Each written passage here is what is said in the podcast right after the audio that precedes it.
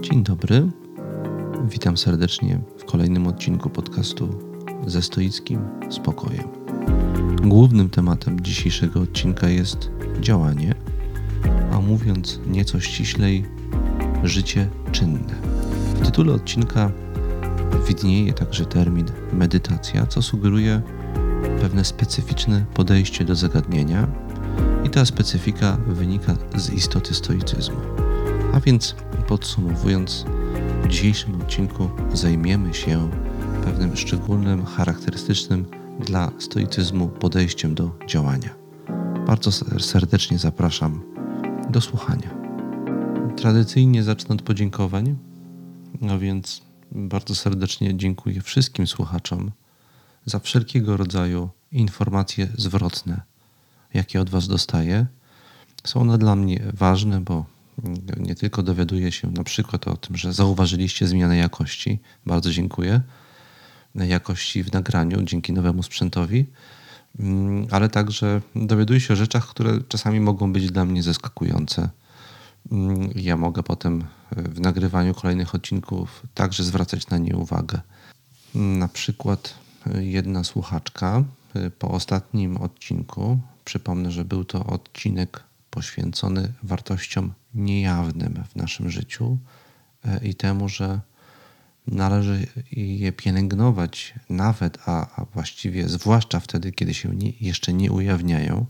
No więc ta słuchaczka mm, napisała mi miły e-mail, mm, w którym e, zrelacjonowała mi, że na skutek takiego okresu zamknięcia pandemicznego, także tej chłodnej i deszczowej wiosny, e, poczuła pewnego rodzaju nieprzyjemne przygnębienie i ten odcinek, zwłaszcza sugestie dotyczące pracy nad wartościami niejawnymi, jakie były w nim zawarte, pomogły jej z tego marazmu chwilowego się otrząsnąć i jakoś wyjść z tego. Bardzo dziękuję za ten feedback. Nie, nie był to w ogóle mój plan, żeby takie miało oddziaływanie mm, to, co sugerowałem w ostatnim odcinku, a jednak miało, więc będę o tym też pamiętał, o tego rodzaju informacjach zwrotnych. E, więc dziękuję.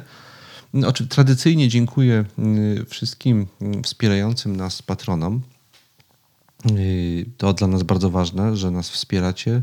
To nam pomaga w produkcji kolejnych odcinków podcastu. W szczególności dziękuję tym, którzy wspierają nas szczególnie hojnie. Szybko teraz podam nazwiska tych osób. To jest pan Jacek Meondyk, pan Bartłomiej Mazur, Rafał Myrcik, Leszek Para, Mateusz Siwerski, Ludwik Sienica, Bartosz Szarowar, Łukasz Mandzyn, Maciej Grycz, Sławomir Franus i Kamila Reiter. Bardzo wszystkim serdecznie za okazane wsparcie dziękuję.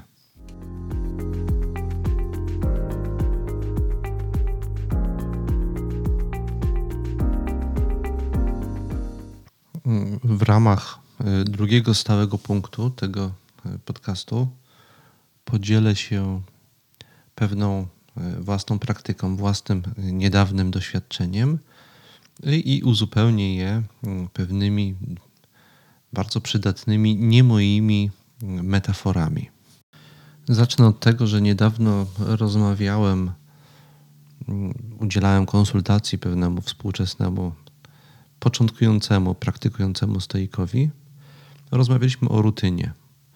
I ta osoba zwróciła uwagę, że bardzo ciężko jest mm, postępować zgodnie z zaleceniami stoickimi, żeby tak sobie mm, zaplanować dzień czy tydzień, mm, aby wszystkie poszczególne elementy były powtarzalne i wypełniały ten dzień w sposób zrutynizowany. E, I ja skomentowałem y, ten tą trudność w taki sposób, że stoik wcale nie musi, y, realizując postulat rutyny. Ja dodam, że ja dość często rekomenduję właśnie mm, to, żeby w naszym życiu było jak najwięcej takich powtarzających się czynności, które mm, nadają naszemu życiu, czy tworzą wokół w naszym życiu pewnego rodzaju schemat czy szkielet, w ramach którego funkcjonujemy, to bardzo dobrze nas duchowo stabilizuje. I też to w starożytności rekomendowali. Ja natomiast temu jak powiedziałem, początkującemu, współczesnemu, praktykującemu stoikowi, odpowiedziałem, że ta rutyna, rutyna nie musi wypełniać szczelnie całego dnia. Wręcz to jest niemożliwe i niezalecane. Chodzi przede wszystkim o to, żeby w naszym dniu codziennie były jakieś elementy powtarzalne, które wykonujemy na zasadzie określonej rutyny, nawet y, trochę nudnej. To wtedy nadaje naszemu życiu to, co można określić mianem rytmu. I podam przykład u mnie. Jednym z elementów takiej rutyny ostatnio udało mi się ją wypracować i jestem z tego bardzo zadowolony. To jest sposób, w jaki spędzam pierwsze dwie godziny dnia, każdego dnia. I to wygląda u mnie w ten sposób, że wstaję o 6.30 codziennie, budzę się, robię sobie jakieś lekkie śniadanie. Zazwyczaj są to płatki, y, y, które jem z mlekiem zbożowym. Następnie robię przegląd siebie, co zajmuje mi jakieś 15-20 minut. Po przeglądzie siebie wykonuję około półgodzinny zestaw ćwiczeń. W tym celu sobie ściągnąłem specjalną aplikację, która y, proponuje określony zestaw ćwiczeń dla harmonijnego rozwoju całego układu mięśniowego. Mm, y, bardzo przyjemnie się potem czuję, bo pewne mięśnie, których na co dzień nie używam, zaczynam czuć. To jest przyjemne uczucie. Po tym mm, y, elemencie mojego, mojej codziennej rutyny robię sobie kawę, idę przed dom do ogrodu, jeżeli oczywiście mm, pogoda na to pozwala. Ostatnie dni były pod tym względem bardzo mm, ostatnie w stosunku do momentu, w którym to nagrywam. Ostatnie dni były pod tym względem bardzo przyjemne i dało się to zrobić. Siadam przed domem w ogrodzie na krześle z książką i kawą. Jednocześnie kontempluję ogródek. Jest on y, niezwykle atrakcyjny wizualnie w tej chwili, bo wszystko się zazieleniło. My z żoną dużo czasu poświęciliśmy na to, żeby zadbać o ogród, więc on y, sprawia dużą przyjemność przebywanie w nim. Co jakiś czas przychodzi któryś z moich dwóch kotów, y, żeby mnie zagadnąć. Z czytania za dużo nie wychodzi mi, bo ja trochę patrzę na ogród, trochę z kotami rozmawiam, trochę czytam, ale to mi pozwala tak poczuć się tu i teraz. Ta lektura, rosnąca trawa i ogrodowe różne rośliny, koty, mm, obserwacja, kontemplacja, czytanie, zanurzenie się w sobie i to trwa około pół godziny. I na tym kończę codzienny, dwugodzinny mój jakby rytuał wchodzenia w dzień. I on mi bardzo dużo daje. Mm, taki wewnętrzny spokój odczuwam kiedy go zakończam i dużo lepiej funkcjonuje w ciągu dnia, niż gdybym tego nie robił. I ja nie mówię, że każdy musi mieć dokładnie taką samą rutynę codzienną, e, ale uważam, że warto mieć taką rutynę. Nasze organizmy są tak skonstruowane, że lubią rutynę, lepiej funkcjonujemy w rutynie i to w każdej dziedzinie. Można to zaobserwować w każdej dziedzinie życia. Pamiętam, że jako młody rodzic też byłem bardzo przywiązany do idei rutyny i mm, wieczorami w szczególności dzieci miały cały szereg różnych zrutynizowanych czynności do wykonywania razem z nami. E, wokół to było z, z, wokół zaczynało się od posiłku, kolacji, potem e, o, o, o, te, o tej samej codziennej porze kąpiel, potem czytanie i potem zasypianie. I zauważyliśmy, że kiedy w okresie wakacyjnym, czy na skutek jakichś innych zawi zawirowań życiowych od tej rutyny odchodziliśmy, to dzieci dużo gorzej funkcjonowały. Były problemy z zaśnięciem, były bardziej marudne. Mm, I y, to mi się to mi utkwiło i zauważyłem, że jak praktykuję stoicyzm, to mój organizm też dużo lepiej funkcjonuje, organizm także duchowy, dużo lepiej funkcjonuje wtedy, kiedy narzucam sobie pewnego rodzaju rutynę. I do tego bardzo wszystkich serdecznie zachęcam. Obiecałem dwie metafory. E, autorką obu tych metafor jest e, pani Agnieszka, której ostatnio też udzielam stoickich konsultacji. Ona zainspirowana niektórymi stoickimi radami użyła metafory, metafory sosu beszamelowego. Ja nigdy nie robiłem sosu beszamelowego, ale pani Agnieszka robiła. I, I mówi, że istotą, jednym z bardzo ważnych elementów sukcesu wykonania dobrego sosu beszamolowego jest nieustanne mieszanie. Jak przestajesz mieszać, to się robią grudki. I to mm, przyszło jej do głowy, kiedy zastanawiała się nad ideą rutyny w stoicyzmie. Jak przestajesz wykonywać pewne, czynno, pewne czynności mm, regularnie, to robią ci się w życiu, w duchowości grudki. Yy, tego rodzaju metafory użyła. Bardzo mi się spodobała ta metafora. Drugiej metafory, której użyła pani Agnieszka podczas naszych konsultacji, za pomocą tej metafory chciała wyrazić to, jak rozumie istotę stoickiej praktyki, to jest metafora rekina. Jak być może część z Was wie, rekiny nie mają pęcherza pławnego jako ryby, a, więc nie mogą się unosić w wodzie same z siebie, jak y, prawie wszystkie inne ryby, żeby się utrzymywać na pewnym poziomie i, w, i nie opadać na dno, rekiny muszą się cały czas ruszać. I to są ryby, które cały czas się ruszają.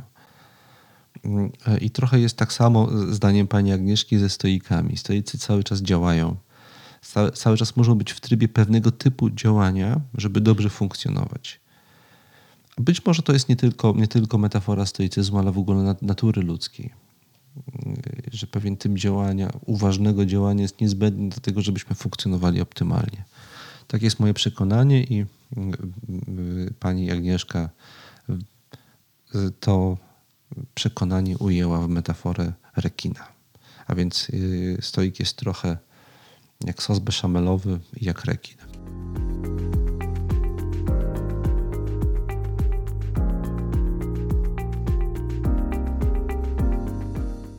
Teraz przechodzę już do realizacji głównego tematu dzisiejszego odcinka podcastu. Zapowiedziałem, że będę mówił o działaniu, a, czy, czy jak to też określiłem, o życiu czynnym.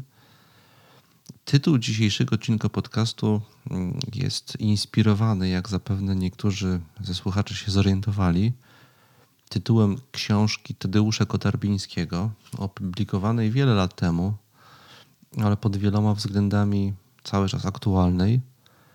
Książka nosiła tytuł Medytacje o życiu godziwym. Warto dodać, że Tadeusz Kotarbiński był jednocześnie filozofem zainteresowanym działaniem, co znalazło wyraz w jego innej, bardzo znanej przed laty książce Traktat o dobrej robocie. Działanie, dobra robota, życie czynne były cały czas w centrum zainteresowania Kotarabińskiego. Ja może przytoczę jeden fragment z książki teraz, Medytacji o życiu godziwym. To, to są dwa akapity z podrozdziału pod tytułem Cel i sens życia. Cytuję. Dość często spotyka się osoby, które nęka problem celu życia. Nierzadko tę samą lub zbliżoną troskę wyrażają one, zapytując o sens życia. Cóż, cóż można odpowiedzieć na podobne pytania? To przede wszystkim, że poruszone zagadnienia wymagają interpretacji. O co idzie w gruncie rzeczy? Aby spróbować to sobie uświadomić, rozważymy obie kwestie z osobna i zajmiemy się zrazu pojęciem celu życia, a później pojęciem sensu życia. Jeśli kto pyta o cel życia, formułuje swoje zapytanie z pewnością jakoś metaforycznie, albowiem w rozumieniu nieprzenośnym można mówić tylko o celu jakichś działań, a żyć to przecież to nie to samo co działać. Na przykład rośliny żyją, lecz nie działają. Ponadto z innego jeszcze względu zarysowuje się wyraźna dwuznaczność rozważanego wyrażenia. Pytający może się interesować mianowicie bądź celem życia własnego lub jakiejś innej osoby, bądź celem życia w ogóle, celem tej formy bytu, która odróżnia świat istot żywych od świata natury martwej. Koniec cytatu. My widzimy tutaj, że autor tekstu Tadeusz Kotarbiński ściśle wiąże ze sobą zagadnienie celu, a w dalszej części tekstu także sensu, z zagadnieniem pewnego typu działania i pewnej jakości tego działania. Podobnie jest u antycznych stoików, którzy postrzegają człowieka przez pryzmat właśnie doświadczenia działania i analizują byt ludzki w kategoriach umiejętności działania, w kategoriach pewnych kompetencji do takiego, a nie innego działania. Żeby ten sposób myślenia teraz zobrazować, yy, pozwolę sobie sięgnąć do trzech dość zaskakujących tekstów. Zaskakujących yy, o tyle, że mm, ja do tych autorów stosunkowo rzadko tutaj sięgam. Są to tymczasem źródła, które naprowadzają nas na to, jak myśleli o człowieku, a myśleli w sposób zaskakująco oryginalny, jak myśleli o, o, o człowieku pierwsi stoicy. Pierwszy tekst, y, do którego sięgam, mm, to jest tekst Arystotelesa, mm, y, Etyka eudemejska. Jest to mały, mało znany albo stosunkowo rzadko czytany współcześnie tekst Arystotelesa. Jeżeli chodzi bowiem o jego teorie etyczne, zazwyczaj sięga się do etyki nikomachejskiej. Tymczasem w tym drugim tekście mamy możliwość poczytania mm, o bardzo ważnych dla filozofii arystotelejskiej rozróżnieniach. Ja wybrałem fragment, w którym, mm, który to jest podrozdział z drugiej księgi Etyki Eudemejskiej, który nosi tytuł To, co dobrowolne, nie jest zgodne z postanowieniem. Analiza terminów przymus i konieczność.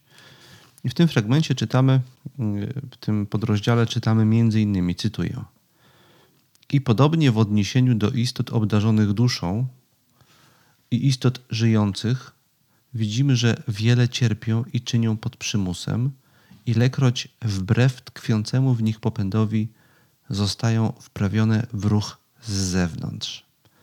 Wśród jestestw pozbawionych duszy pierwsza zasada jest prosta. Natomiast u istot obdarzonych duszą jest ona różnorodna, ponieważ nie zawsze pragnienie i rozum zgadzają się ze sobą. Stąd u innych istot żywych przymus jest prosty, jak u jestestw pozbawionych duszy, bo nie posiadają rozumu i pragnienia, które jest mu przeciwne, ale żyją zgodnie z pragnieniem. W człowieku natomiast znajduje się i jedno, i drugie w odpowiednim okresie życia, któremu przyznajemy możliwość działania, bo utrzymujemy, że ani dziecko nie jest zdolne do działania, ani zwierzę, a dopiero ten, kto działa przy pomocy rozumu. Ten cytat przytoczyłem z kilku powodów. Po pierwsze, dlatego, żeby pokazać, e, w którym momencie w historii i w jaki sposób zostaje wprowadzona kategoria działania. Arystoteles bowiem w tym fragmencie nawiązuje do pewnego podstawowego podziału w jego filozofii, gdzie on klasyfikuje byty ze względu na rodzaj działania, jakiemu ulegają. Są rzeczy nieożywione, kamienie i, i nie wiem, gałęzie, patyki, które nie mogą działać same z siebie, y, które znajdują się w ruchu, tylko wtedy, kiedy zostaną przez coś poruszone, a więc działa na nie wyłącznie siła zewnętrzna. Następnie mamy rośliny, które działają same z siebie, bo rosną ale jest to bardzo jedno, jednostronny, jednowymiarowy rodzaj działania. Arystoteles w innych miejscach go, go szczególnie, szczegółowo analizuje. Bardziej złożony rodzaj działania przysługuje zwierzętom, albowiem one działają w efekcie połączenia dwóch czynników. Popędu, który w nich tkwi, jako pewna potencja, i percepcji, która postrzega coś, co uruchamia popęd. Zwierzę nie działa cały czas pod wpływem popędu, tylko wtedy, kiedy ten popęd jest aktywizowany przez percepcję. No i na tej podstawie Arystoteles analizuje specyfikę zachowania się zwierząt. Zwierzęta zachowują się w określony sposób na, na skutek połączenia dwóch czynników. O ile u roślin to jest, zachodzi tylko jeden czynnik, czynnik wzrostu, o tyle u zwierząt zachodzi, zachodzą dwa dodatkowe czynniki. Czynnik popędu naturalnego, to, że zwierzę się ku czemuś skłania i e, czynnik z obszaru percepcji. E, zwierzę uruchamia się w działaniu, e, zachowuje się w jakiś sposób wtedy, kiedy motywacja popędowa zostaje skojarzona z określoną percepcją, z, z określoną obserwacją, że rzeczywistość przejawia się w jakiś sposób i zwierzę reaguje na to, czego doświadcza. Następnie widzimy, że do, do, tego, do tej klasyfikacji dołącza Arystoteles zachowanie zwierząt istot rozumnych, czyli ludzi, którzy, do których, w przypadku których dochodzi jeszcze jeden czynnik, mianowicie refleksja. Człowiek posiada popędy, człowiek posiada percepcję, postrzega rzeczywistość w jakiś sposób, y, i, ale oprócz tego posiada refleksję, e, ze sprawą której może zadziałać w ten bądź w inny sposób.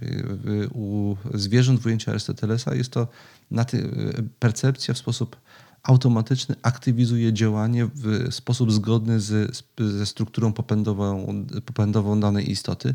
Natomiast w przypadku człowieka refleksja stwarza możliwość modyfikacji działania pod wpływem uznania czegoś za lepsze bądź gorsze.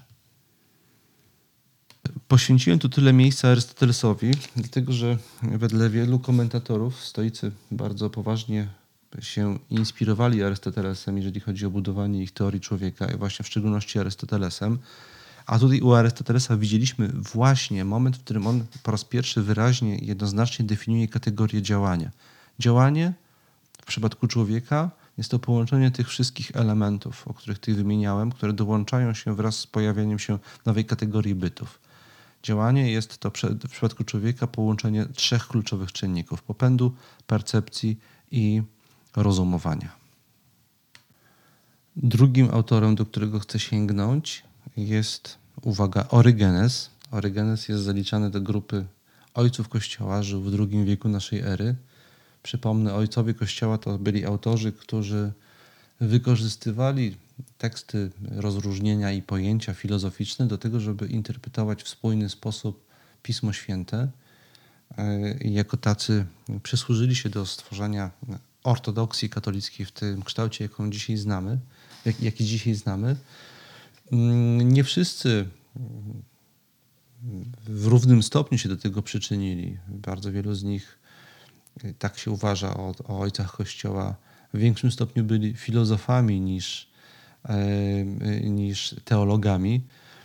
I to, e, to miało miejsce w przypadku Orygenesa. Jego wykładnia się nie przyjęła z tego powodu, że ona była zbyt mocno przesycona Platonem. Tym niemniej stanowi on źródło, ważne źródło wiedzy o wczesnym chrześcijaństwie.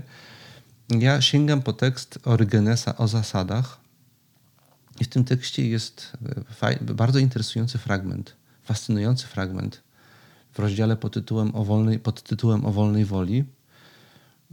W tym rozdziale oczywiście Orygenes w dalszej części tego rozdziału wprowadza pojęcie Boga jako ważnego czynnika w ludzkim działaniu. Natomiast we fragmencie, który ja tutaj chcę przy, przytoczyć, wedle komentatorów prawdopodobnie Orygenes para, parafrazuje bądź wprost cytuje jedno z zaginionych później źródeł stoickich, prawdopodobnie samego Chryzypa. I to źródło pokazuje, w jaki sposób pierwsi stoicy przetworzyli tekst Arystotelesa po to, żeby e, stworzyć spójną wykładnię istoty działania człowieka, specyfiki działania ludzkiego. Cytuję. Spośród wszystkich bytów, które się poruszają, jedne w sobie samych mają źródło swoich ruchów, inne zaś otrzymują je z zewnątrz. Z zewnątrz tylko pochodzący powód ruchu posiadają wszystkie rzeczy nieożywione, jak kamienie, drewna i inne podobne przedmioty zbudowane wyłącznie z materii albo z ciała. Inne byty mają przyczynę ruchu w samych sobie, na przykład zwierzęta, rośliny i te wszystkie stworzenia, dla których istotą bytu jest zwyczajne życie lub dusza. Niektórzy uważają, że należy włączyć tutaj również żyły metali. Ponadto uznać trzeba, że sam z siebie porusza się ogień, a może także źródła wód. Co się zaś tyczy bytów, które mają w sobie przyczynę ruchu, to niektórzy twierdzą, że jedyne z nich poruszają się z siebie, a inne przez siebie. Wprowadzają też następujące rozróżnienie. Z siebie poruszają się te byty, które żyją, ale nie mają duszy, przez siebie zaś poruszają się byty, które ożywia dusza. Wówczas mianowicie, kiedy mają instynkt, czyli jakąś chęć albo jakiś bodziec, który skłania je do określonego poruszania się lub działania. W końcu niektóre zwierzęta mają taki instynkt, to znaczy chęć czy zapał, który za pośrednictwem określonej naturalnej podniety skłania je i pobudza do działania w sposób skoordynowany i uporządkowany. Możemy zauważyć, że tak właśnie postępują pająki, które do snucia pajęczyny w sposób planowy skłania instynkt, to znaczy określona chęć i umiejętność tkania.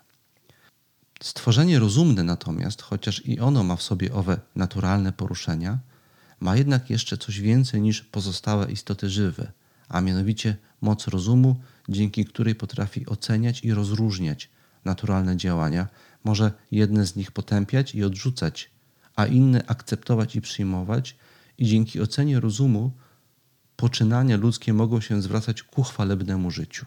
Koniec cytatu.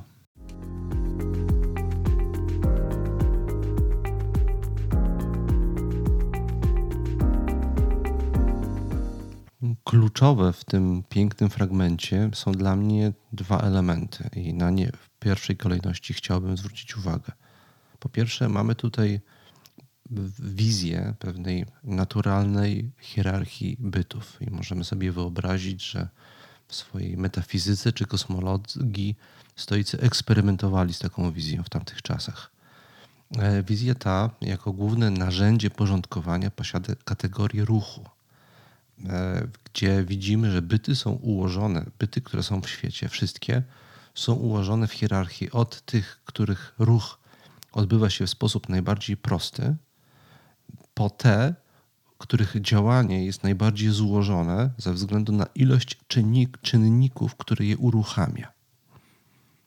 Czyli widzimy e, najpierw byty nieożywione, potem rośliny, zwierzęta i na końcu ludzi. I to jest ta hierarchia, która jest uporządkowana ze względu na kategorię ruchu, a nie jakąś abstrakcyjną kategorię doskonałości. To obrazuje też, że antyczni stoicy myśleli o świecie w kategoriach bardzo fizykalnych i empirycznych. Oczywiście widzimy też w tym fragmencie tutaj, że nie kategoria życia jest kluczową, która różnicuje byty, tylko kategoria ruchu.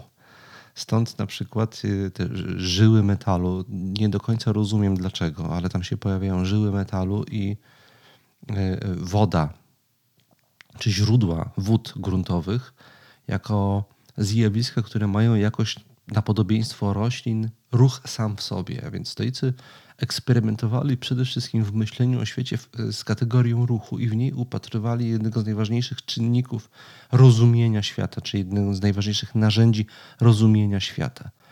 Drugi bardzo ważny element dla mnie w tym fragmencie to jest to, że, że specyfiką działania ludzkiego jest e, myślenie, przy czym to myślenie jest rozumiane przede wszystkim w kategoriach oceniania. Proszę zwrócić uwagę na to, że można na bazie tego fragmentu zdefiniować myślenie jako ocenianie. Istotą myślenia jest zdolność oceny rzeczy w kategoriach korzystne, niekorzystne, lepsze, gorsze. Wszystko inne, co zaliczamy jako myślenie, jest konsekwencją tego podstawowego ruchu w naszej głowie się odbywającego, ruchu oceniania. Przypomina mi się w tym kontekście mm, słynna chryzypowa definicja filozofii. Otóż chryzyp filozof stoicki, który z wielu względów jest najważniejszym filozofem stoickim w starożytności, przedstawił definicję e, brzmiącą następująco, że filozofia jest to mm, trening poprawności procesów rozumowania. Jeżeli zestawimy tą definicję z tym, co przeczytaliśmy tutaj przed chwilą u Orygenesa, to można powiedzieć, że, że ten trening, jak, jakim jest filozofia, w tym właśnie znaczeniu, jaki, to, jaki wyczytujemy u Orygenesa, jest jednocześnie treningiem człowieczeństwa. Mm, teraz na koniec sięgnę do ostatniego tekstu, y, do Cycerona, ale nie do tekstów, których zazwyczaj y, się używa, żeby wydobyć z Seneki te motywy stoickie, jak są dość mo mocno obecne u niego.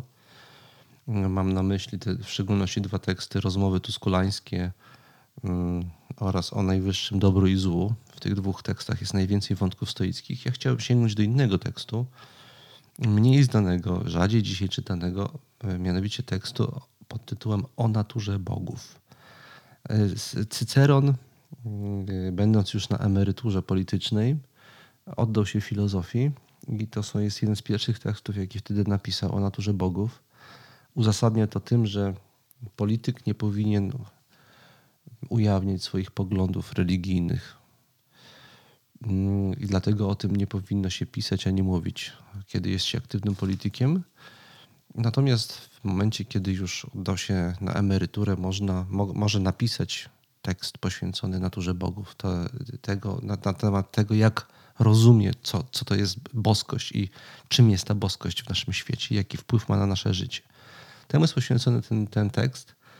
I w tym tekście mm, znajdujemy bardzo podobny mm, fragment do tego, który jest u Arystotelesa i do tego, który jest u Orygenesa i bardzo wielu historyków też uważa, że jest to fragment żywcem wzięty z któregoś ze współczesnych albo trochę starszych autorów stoickich, może nawet z samego Chryzypa. Cytuję. Jakoż najpierw zobaczymy, że natura utrzymuje rodzące się z ziemi rośliny, którym daje tylko to, że zapewnia im pokarm, pokarm i możliwość wzrostu. Z kolei zwierzęta obdarzyła ona czuciem i zdolnością poruszania się oraz dała złączony z pewnego rodzaju porządliwością pociąg do rzeczy zbawiennych i wstręt do szkodliwych. Człowieka wyposażyła ponadto w rozum, w rozum, iżby przy jego pomocy panował nad swoimi namiętnościami, raz im pobłażając, drugi raz powściągając je. Dalej, na czwartym, a zarazem najwyższym szczeblu znajdują się istoty, które z natury swojej rodzą się dobre i mądre, które od samego początku mają wrodzony prawy i stateczny rozum. Koniec cytatu. E, analogicznie do poprzednich fragmentów, także i tutaj widzimy próbę skonstruowania pewnej naturalnej hierarchii bytów. E, pominięta w tym fragmencie jest natura nieożywiona. Zaczynamy od natury ożywionej, czyli roślin. Potem są zwierzęta, potem jest człowiek, potem nad człowiekiem są jeszcze jakieś inne byty, ponieważ jest to tekst o bogach, e, e, Cyceron chce tutaj wprowadzić właśnie tą kategorię bytów boskich, które tym się różnią od człowieka, że nie muszą praktykować e, poprawnych procedur działania rozumu. One rodzą się ze zdolnością do myślenia, oceniania i działania w sposób właściwy i wartościowy. jeżeli istnieją jakieś byty wyższe, to one mają to z natury. Natomiast człowiek, jako istota znajdująca się pomiędzy światem zwierząt i roślin, a światem boskim, w ujęciu Cycerona tutaj, jest istotą, która ma wprawdzie ten pierwiastek rozumu, e, zdolność do oceniania, ale ten pierwiastek u człowieka wymaga stałego treningu. Inaczej nie będzie poprawnie używany.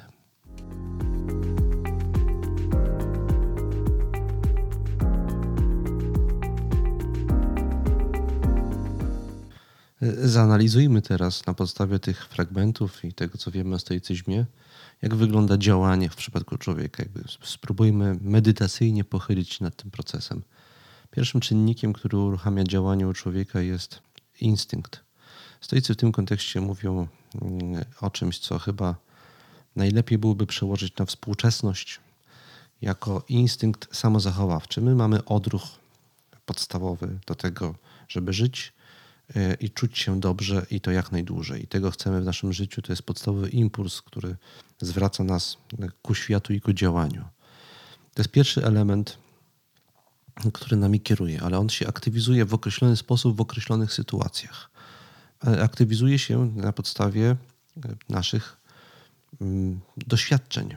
My znajdujemy się w jakiejś sytuacji, w jakimś położeniu i ona y, aktywizuje nasz instynkt y, tak, że działamy w określony sposób. Czyli widzimy zagrożenie, czyli mamy percepcję zagrożenia i na tej podstawie podejmujemy działania, które ma to zagrożenie, które doświadczamy jako zagrażające nam w, w realizacji naszego instynktu, żeby to zagrożenie jakoś zneutralizować. Ale to są tylko dwa czynniki instynkt i percepcja. Te same czynniki występują, jak widzieliśmy w tych przykładach, u zwierząt. Natomiast człowiek posiada pewien e, dodatkowy mechanizm w postaci mm, rozumu, który e, może być użyty przez niego, żeby udoskonalić realizację mm, instynktu, instynktu przetrwania i adaptacji do rzeczywistości. I to udoskonalanie jest możliwe e, dzięki trzem czynnikom trzem narzędziom mm, tej władzy rozumowania czy władzy oceniania. I my możemy to w sobie zaobserwować. I teraz, żeby użyć słowa medytacja w trochę innym sensie, ja uważam, że w stoicyzmie bardzo wiele technik i praktyk ma funkcję medytacyjną, bo one służą temu, żeby doświadczyć w sobie tych narzędzi i umieć zacząć się uczyć ich używać w sposób świadomy. Pierwszym narzędziem, jakiego używamy jako ludzie, jako istoty rozumne, to jest ocena tego, co widzimy. Czy faktycznie widzimy to, co widzimy? Bo jeżeli widzimy zagrożenie, to automatycznie uruchamiamy działania, mechanizmy przeciwdziałające temu zagrożeniu. Ale te mechanizmy działają na zasadzie nawyku i schematu. I one są aktywizowane automatycznie na podstawie tego, co nam się wydaje, że widzimy. Bardzo często dzieje się coś innego niż nam się wydaje, w efekcie czego te mechanizmy bywają bardzo zawodne, zwłaszcza w świecie, w którym żyjemy, w świecie bardzo się zmieniającym. To, co kiedyś się sprawdzało jako mechanizm efektywnie przeciwdziałający wszelkim zagrożeniom, nagle się może okazywać, że już się nie sprawdza i potrzebujemy innego mechanizmu. Ale żebyśmy mogli ten mechanizm wypracować, musimy umieć powściągnąć bezpośrednią reakcję i ocenić, co się faktycznie wydarzyło, co się dzieje i czy faktycznie jest to coś, co nam zagraża. Czyli zmienić etykietę, za pomocą której automatycznie przyznajemy jakąś kategorię danej percepcji, którą postrzegamy, danej rzeczy, którą widzimy, tak jak ją widzimy, tak jak nam się ona objawia. I to jest możliwe dzięki trzem aspektom, trzem właściwościom refleksji, czyli tego rozumnego, oceniającego spojrzenia na nasze doświadczenie. Pierwszą właściwością refleksji, pierwszym mechanizmem refleksji jest to, co stoicy określali mianem synkatatezis. Synkatatezis to jest przyzwolenie, a więc uznanie, że to, co postrzegam jako rzeczywiste, jest faktycznie rzeczywiste, a nie jedynie wydaje mi się jakieś. Chodzi o umiejętność zobaczenia tego, co się dzieje, a nie tego, co mi się wydaje, że się dzieje, albo czego boję się, że się może dziać. Bo my zazwyczaj, kiedy jesteśmy w pędzie różnych spraw, nie odróżniamy od siebie tych rzeczy. Dzięki refleksji możemy nauczyć się to odróżniać. To jest pierwsze, pierwsza właściwość refleksyjnego, mm, tego e, refleksyjnego elementu w naszym działaniu.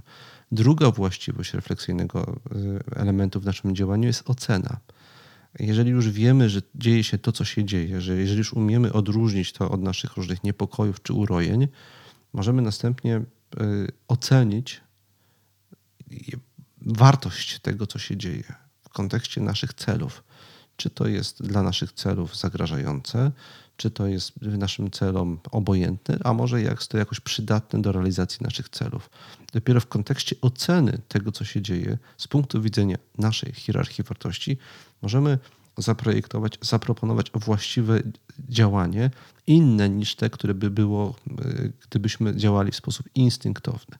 I ten inne, inne, inna strategia działania to jest coś, co wdrażamy, i to wdrożenie staje się naszym nawykiem i pewnego rodzaju nowym automatyzmem, który następnie co jakiś czas refleksyjnie trzeba modyfikować.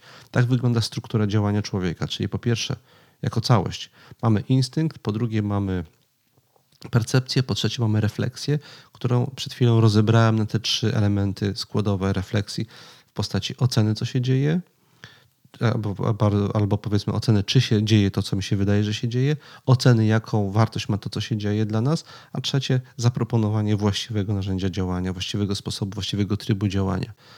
E, I jeżeli będziemy działać w określony sposób e, regularnie, to to się staje naszym nowym nawykiem. Tak, tak, tak, taką koncepcję mają stoicy. Żeby domknąć to, o czym teraz tutaj mówię medytacyjnie, uważam, że, że, że istotą praktyki stoicyjskiej jest umiejętność poczucia tych trzech właściwości refleksji. Tak jak, nie wiem, w efekcie ćwiczenia czujemy mięśnie, których zazwyczaj nie czuliśmy. Ja od tego dzisiaj zacząłem, że ćwiczę codziennie rano i dzisiaj na przykład y, siedzę, nagrywam podcast i czuję pośladki, normalnie ich nie czuję, bo miałem takie ćwiczenia, które wywołają, wywołują taki efekt, że te mięśnie się zaktywizowały i mnie nie teraz boją, bolą.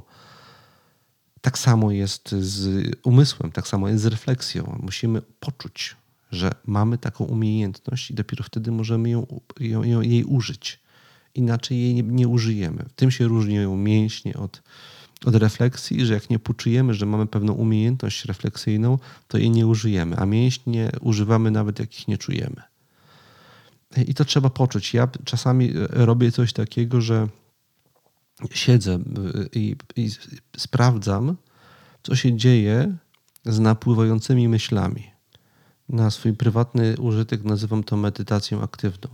Chodzi o to, żeby pozwolić, żeby te myśli się pojawiały. Zazwyczaj, jak staramy się nic nie robić, siedzimy bezczynnie, to w naszej głowie pojawią się jakieś myśli. Ja obserwuję te myśli i obserwuję, jakie są moje reakcje na te myśli. Bo myśli to zazwyczaj są jakieś obrazy, coś sobie w głowie przedstawiam, jakąś historię, myślę o czymś, przypominam sobie coś, przypominam sobie, że mam coś do zrobienia i widzę, jaka jest moja reakcja na to, co mam coś do zrobienia. Załóżmy, że zapomniałem zadzwonić do przyjaciela, załóżmy, że zapomniałem coś zrobić dla kogoś.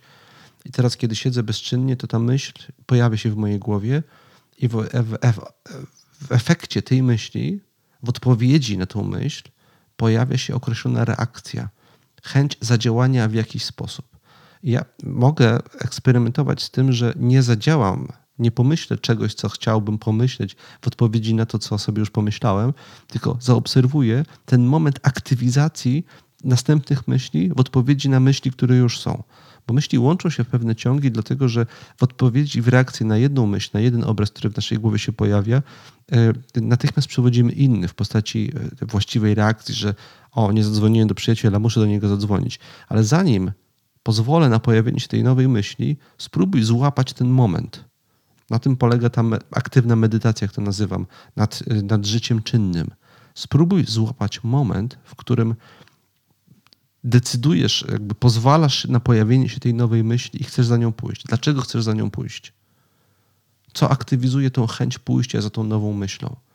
To właśnie jest ta refleksja, ona to aktywizuje. Zobaczyć ten moment uruchamiania się procesu oceny. Oceniłem z automatu, że to, że nie zadzwoniłem do przyjaciela jest czymś złym.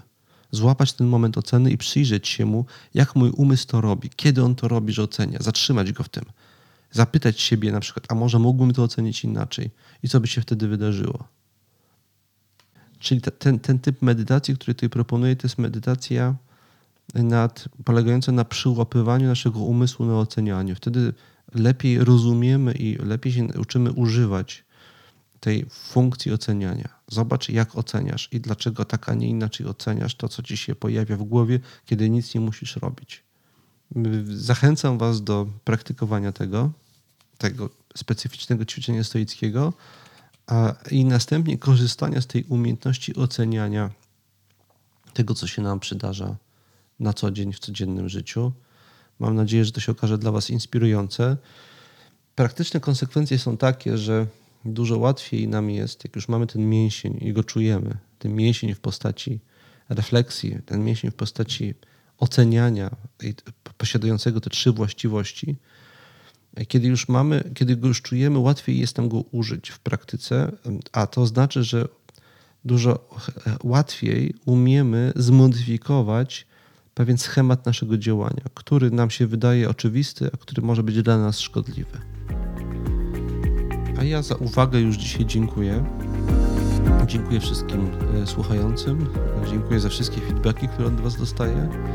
Dziękuję patronom za wspieranie tego, produkcji tego podcastu za pośrednictwem platformy Patronite. I do usłyszenia w następnym odcinku podcastu.